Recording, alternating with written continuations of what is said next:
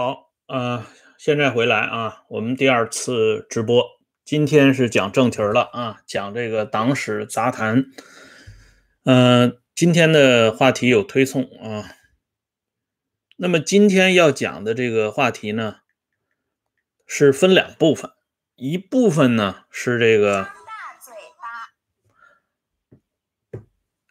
把上次啊没讲完的话题给他讲讲完。再一个呢，就讲这个卢作孚先生，他真正啊突然去世的原因。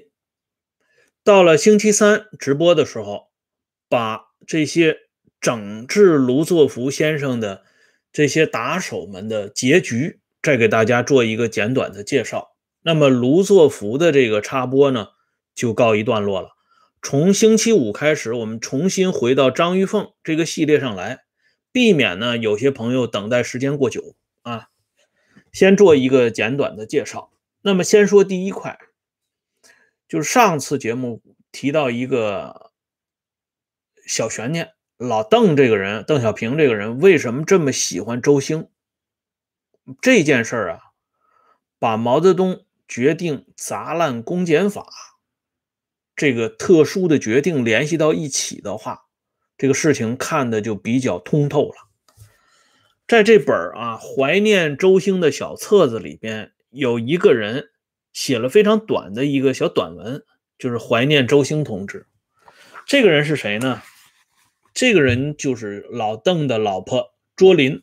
他写的这篇文章呢，是写于公元一九九九年三月十六号，题目叫《我所认识的周兴》。通过这么一篇小文章，我们可以看到，邓小平夫妇两个人与周兴之间的关系确实不同一般。据卓林自己说啊，他说呢，是周兴同志把我调到党中央安全部门工作。我到了党中央的安全部门以后，认识了邓小平同志，并最后。与他结成终生伴侣，可以说，在众多热情关心小平同志的人当中，周兴同志也是一位积极分子。惊叹号！啊，这是第一层交代出周兴与邓小平夫妇之间的关系。上次我的节目里边也已经提到，在老邓的婚礼现场，周兴是个大忙人儿啊。那么还有一层。啊，卓林是这么写啊，这么写的：周兴同志在工作上与小平同志的接触是很多的。周兴同志只比小平同志小一岁。大家不要小看这么一句话啊，因为在那种战火纷飞、非常岁月当中，这个高级领导人、高级干部他们之间虽然结成了啊。各种各样的关联和关系，甚至呢是一些啊这个棒打不散的这些关系。可是对于啊谁是哪一年出生的，谁的年龄是多大，这个还真的很少通气儿啊。我举一个最简单的例子，像毛泽东在延安时期树立刘少奇啊为自己的接班人，这么重要、这么铁杆的关系。可是刘少奇是哪年哪月生的？毛泽东搞不清楚。这也就是为什么后来在召开党的第八次全国代表大会之前的最后一次中央全会上，毛泽东会公开说：“啊，刘少奇比周恩来大。”这就是说，毛根本不知道刘少奇是哪一年生的。呃，因为事实上呢，周恩来比刘少奇大八个月。哎，像毛、刘、周他们这些关系尚且如此，那其他人就不必谈论了。可是卓林呢，却清清楚楚记着周兴只比邓小平小一岁，这就更说明啊，邓小平、卓林夫妇与与周兴之间的关系。但如果仅仅是啊，介绍个对象啊，参加个婚礼啊，啊，在生活起居上有所这个调整，这些。都不是政治人物一直能够粘连到最后的根本原因，根本原因还要从政治上找答案。毛泽东当初为什么提出来要砸烂公检法？这是有原因的，因为当初从中央军委公安部开始到中华人民共和国公安部，在整个公安部系统当中，最大的山头是谁呢？就最大的派系是谁呢？就是保卫机关。罗瑞卿本人就不用说了，人家是老一军团的政治保卫局局长出身。而罗瑞卿引进来的这些人，大大小小的干部啊，杨其清也是罗瑞卿在红军时代政治保卫局的副手啊。徐子荣呢，虽然没有直接干过保卫工作，但是徐子荣从做政委的时候，政治委员的时候就一直抓安全保卫。哎，加上罗瑞卿特别欣赏徐子荣，这样的话，嗯。这公安部从一开始就被这些啊各个层面的保卫机关的头子所霸占，就形成了他们在公安部当中一股独大的现象。这里我给大家简单做个介绍：当时罗瑞卿作为第三梯队重点培养的公安部四大才子啊，尹兆之啊、王仲方啊、刘富之啊，他们这四个人，这四个人。可以说，大多数都来自于保卫系统。啊，尹兆之也是这个社会部系统出来的，王仲方就更不用说了啊，在华北局的时候就是。那刘富之就更早了，刘富之是锄奸保卫系统的老干将，更是邓小平的秘书，在幺二九师在晋冀鲁豫中央局的时候就是这个状态了。啊这样的话，这些人盘根错节，结成了一个非常大的这个啊山头。这个山头对于伟大领袖发动第一次无产阶级文化大革命非常之不利。而要解决掉他们这种盘根错节的办法，那用北齐文宣帝高阳的那句话讲啊：“乱者当斩”，就是快刀斩乱麻的。成语的由来，所以毛泽东决定彻底砸烂公检法。从他引进谢富治算起，这个念头就已经有所形成。但由于那个时候罗瑞卿呢行迹不够显露啊，老大也不便于直接下手。到了一九六五年搞掉罗瑞卿之后，这公安部的大清洗就提到了日程。所以这就是为什么。毛泽东听任汪东兴把杨奇清搞掉的原因，也就是为什么谢富治、李振、施一之他们在整个公安部这个砸烂公检法过程当中能够大打出手的原因。可惜的是呢，这些人啊没有成气候，因为公安部的这个大山头不是简简单单通过砸烂就能够做到的。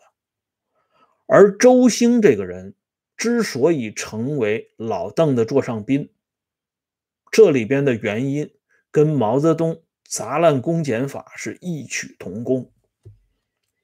因为我们知道老周呢，周恩来说过那句名言：“公安系天下安危一半。”啊，和平年代谁能够抓住警察队伍，抓住公安干警，谁就能够坐稳屁股。老邓复出以后，在公安系统他没有自己的人马，而这个时候周兴就是老邓认为最合适的人选。卓林的回忆也已经说过，在西南，在华东，老邓与周兴都有多次交接。周兴在老邓手下的工作，那可以说是深得老邓的这个欢心。从卢作孚这个案子里边，我们就可以看到点滴。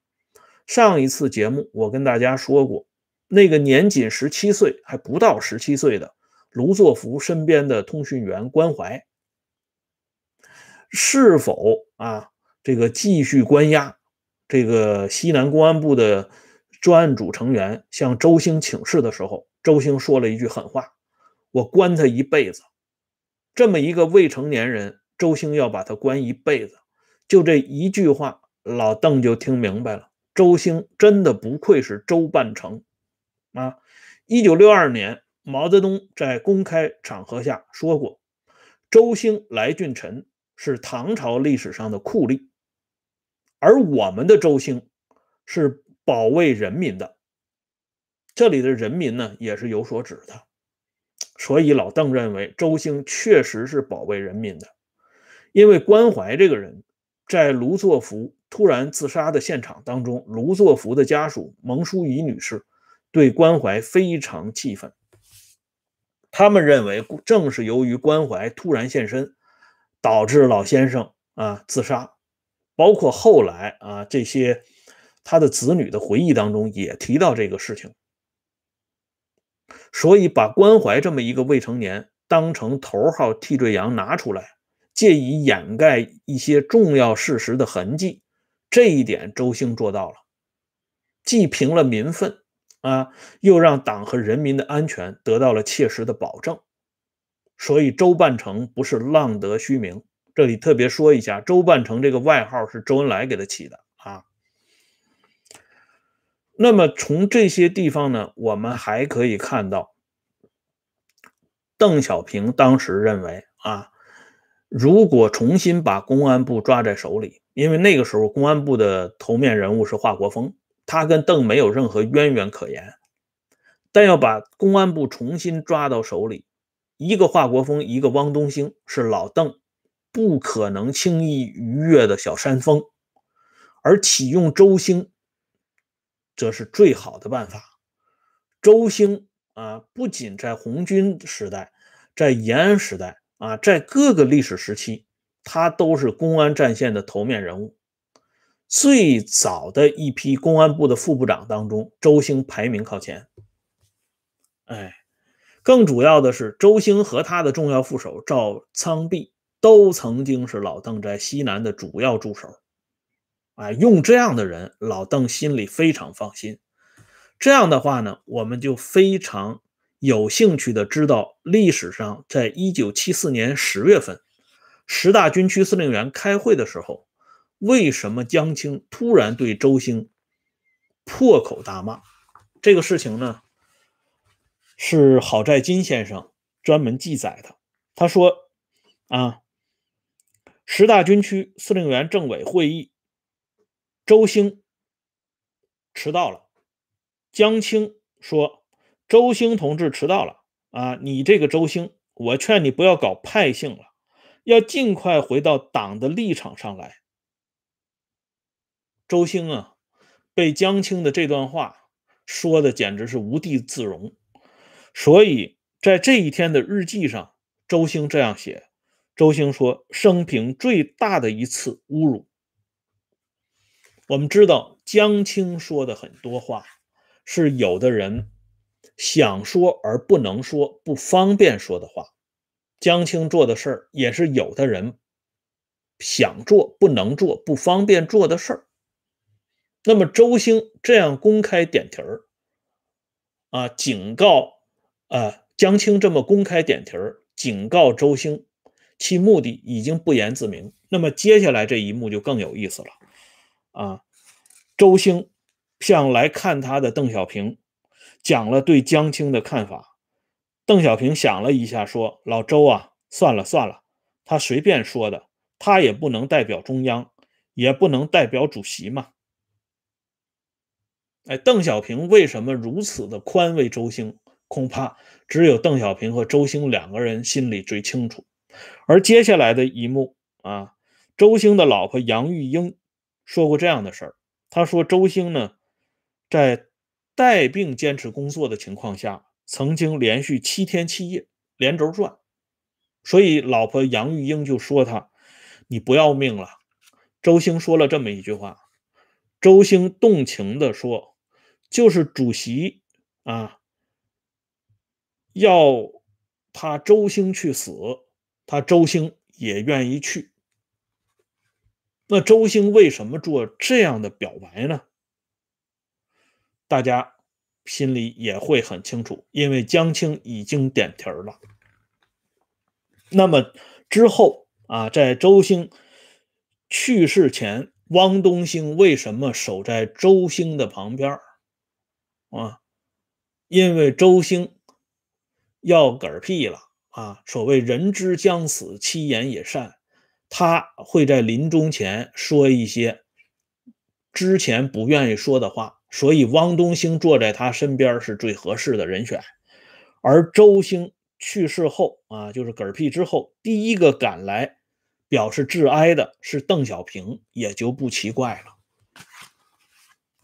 哎，所以再往后看，老邓为什么积极推举罗瑞卿出来工作？一方面啊，罗瑞卿来抓这个军队，是老邓最放心的；还有一方面，通过罗瑞卿重新整合公安系统。果然啊，这个接替啊华国锋之后，担任公安部部长的就是周兴的副手赵昌弼。啊，这个人一直在八十年代初还担任公安部部长。赵昌弼是老邓在西南时候的。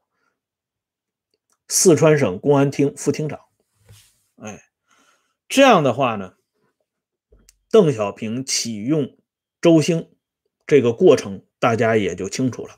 这是第一个段落。第二个段落就说到卢作孚先生为什么啊突然自尽，这个根本原因，今天啊，我我在这个题目上也做了交代了啊。赵昌弼之后就是刘富之，啊，刘富之做过老邓的秘书，啊，在晋冀鲁豫中央局社会部都工作过。这刚才有个朋友也说了，很好啊。卢作孚先生，他和当时中共中央的要求可以说是南辕北辙。北辙。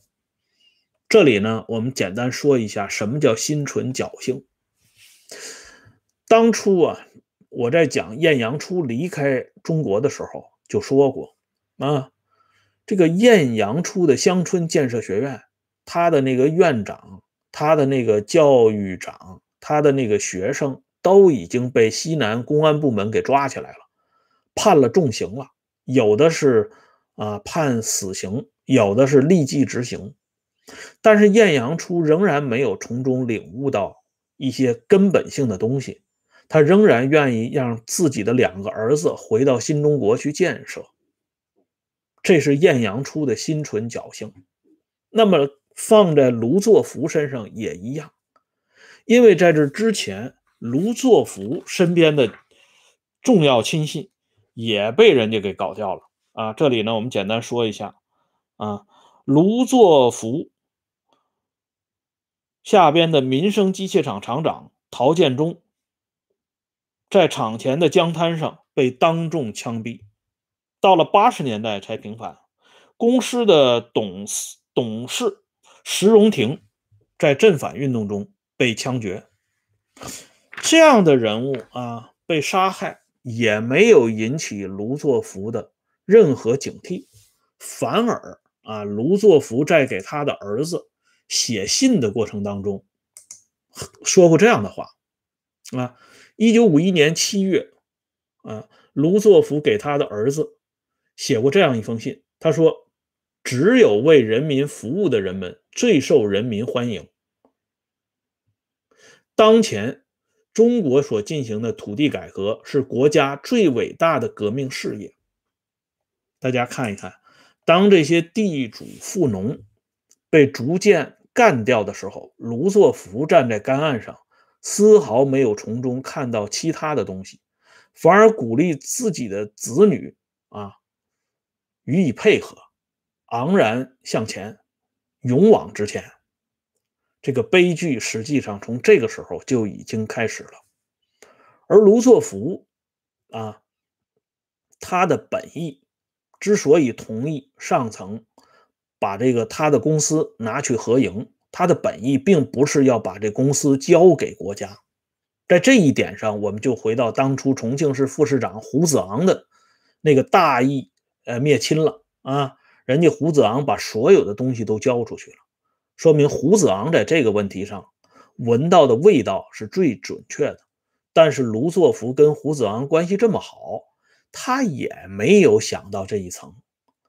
卢作孚考虑的是通过合营的这种方式方式，国家注入新的资金啊，让这个民生公司呢摆脱困境，而民生公司摆脱困境之后呢，赚了钱又回报给国家，形成这么一个良性循环。他哪知道啊？当初一九四九年，刘少奇风尘仆仆赶到天津，啊，为那些资本家打气儿，说搞一点剥削呢。也不要惶惶然啊！剥削是有功的，不是有罪的。这点经高岗等人啊传递给毛泽东之后，毛的脸色都变了。从那个时候开始，毛就已经认定刘少奇跟他不是一条心。大家想一想，连刘少奇这种啊暂时的缓兵之计，在毛看来都是不能容忍。那卢作孚居然幻想国家替他注入资金，给他抬轿子，这简直就是中国梦办公室出来的啊！那是绝对不允许的。所以卢作孚的悲剧也就从这里产生了。而对这个整个的这个事业的心存侥幸，还体现在卢作孚留下的最后一句话。卢作孚告诉他的好朋友晏阳初，告诉其他的好朋友说过一句话，他说：“只要民生公司的船没事儿，我就什么都不怕。”而最后，民生公司的这条大船终于出事儿了。卢作孚的恐惧上升到了极点，这就是让他选择轻生的最直接的原因。以前伟大领袖说过一句话，非常有名。在大跃进的时候说过一句话，很少有人能记住领袖说的这句公开的话。老大是说，不怕做不到，就怕想不到。就这句话，我觉得非常值得大家回味。那么，在卢作孚突然离世之后，别说卢作孚的家属啊，非常之慌乱，上层呢？也有这么一点小慌乱，因为卢作孚这个人，这个量级太大了啊！放在上个世纪五十年代，卢作孚的这个量级，比今天我们大家熟知的啊，这排行榜前十名的那些啊民企的老板们还要大很多。因为那个时候经济是很低迷的啊，这个经济链是很脆弱的，所以上层呢，对于西南搞出这么一件事情。也是非常震惊的，这也就是为什么老邓彻夜不眠，等候西南公安部这些办案人员归来，他要第一时间了解到真实的情况，这样呢，他好同北京进行汇报。而就在这个时候，周恩来的作用就体现出来了。他虽然啊几次三番的这个告诫卢作孚。不要回到西南，在北京工作。但是当邓小平他们西南收拾残局不利的时候，周恩来出来给邓小平站台，给老邓擦屁股了。这个功夫那绝对是第一流的。当然，这个功夫呢，我们要留到星期三来讲了。在本期节目结尾的时候，我要给大家介绍这么一件事情。嗯。这也是这个卢作孚先生的啊儿子卢国际啊卢国伦，还有这个卢国维，他们都共同回忆的事情，就是卢作孚啊，他这个灵柩啊送的时候，官方没有任何表态啊。这里呢，卢国际先生是这么写的，他说。当父亲逝世的消息于二月九号清晨传到民生公司总公司和各个轮船后，总公司的职工自动降下了半旗，很多轮船上的员船员自动降下了半旗，自发的来送别父亲的灵柩。这里呢，赵小玲女士呢观察的很仔细，她说卢家后人的回忆。始终不敢用“送葬”两个字来形容，这是一条。还有一条呢，卢国际先生提到的自动降下半旗，自发送别卢作孚先生，可见呢，官方没有做任何姿态和表态，而不做任何姿态和表态，就是最大的姿态和表态。也就是说，官方对于卢作孚的自尽，所有的态度都在这里边了。好了，今天的话题呢就说到这里，感谢朋友们上来收看，欢迎大家关注“温相说时政”会员频道啊，我们明天开始更新，再见。